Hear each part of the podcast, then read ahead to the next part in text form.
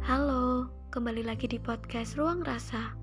Kali ini aku bakal baca satu cerita di mana mungkin akan menjadi cerita yang mengejutkan bagi beberapa pendengar podcast Ruang Rasa. Karena aku sendiri juga kaget. Cerita ini dikirimkan tepat di hari ulang tahunku. Sudah agak malam dikirimnya. Dan cerita ini dikirim oleh seseorang laki-laki yang aku kenal. Jadi nanti mungkin aku bakal bacanya dengan ya nada percakapan biasa ya. Halo, ada orang? Oh, ada kak. Ada apa ya? Hehe, enggak kok. Cuma pengen ngucapin aja, hari ini kan kamu ulang tahun. Widih, masih inget aja kak? Iya dong, inget. Selamat ulang tahun ya Deb. Oke, thank you kak. Doa-doanya biar hanya aku dan Tuhan aja yang tahu ya. Oh gitu, oke. Okay. Oh iya, aku pengen cerita.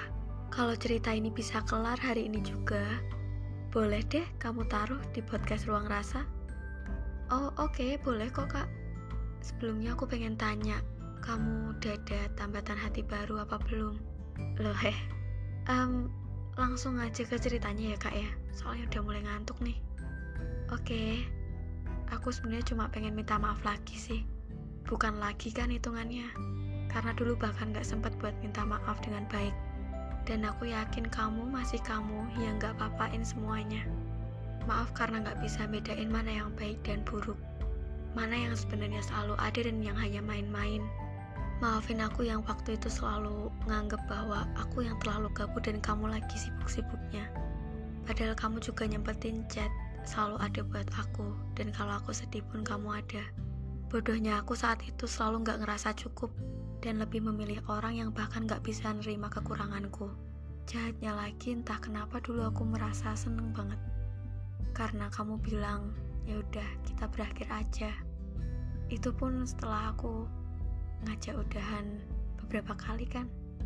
Bodoh, aku bodoh. Benar-benar bodoh sekarang aku benar-benar bingung apa itu rasa cinta yang sebenarnya. Kayak gimana?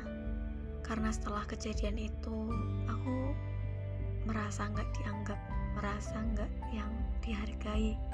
Aku berpikir apakah itu karma yang aku dapetin karena udah memperlakukan kamu dengan tidak baik.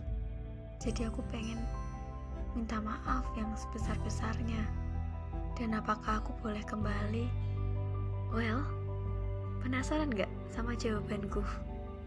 Aku jawab waktu itu, walah gak apa-apa kak, udah lewat juga kok, udah lama juga. Gak usah dipikirin lagi, karena memang ya udah, udah lewat.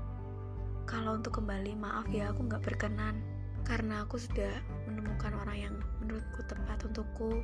Hmm, jahat ya aku ya. Duh, aku gantian jahat nih kak, bilang kayak gini. Tapi kalau misalnya kamu butuh cerita, boleh cerita kapan pun. Cuma maaf kita nggak bisa kayak dulu lagi. Dan ya aku berharap semoga ke depannya bisa nemu orang yang bisa nerima kekuranganmu apa adanya. Dan kalau boleh titip pesan, jangan lagi trial and error. Jangan main-main sama yang namanya hati. Karena kita pun juga nggak tahu batas kesabaran seseorang itu sampai di titik mana. Jadi yang bisa kita lakukan saat ini adalah menjaga dan menghargai apa yang sekarang ada di hidup kita.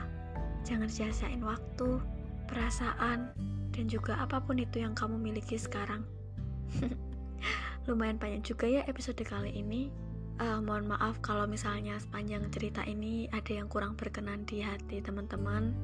Mohon maaf banyak kurangnya dan ya, see you.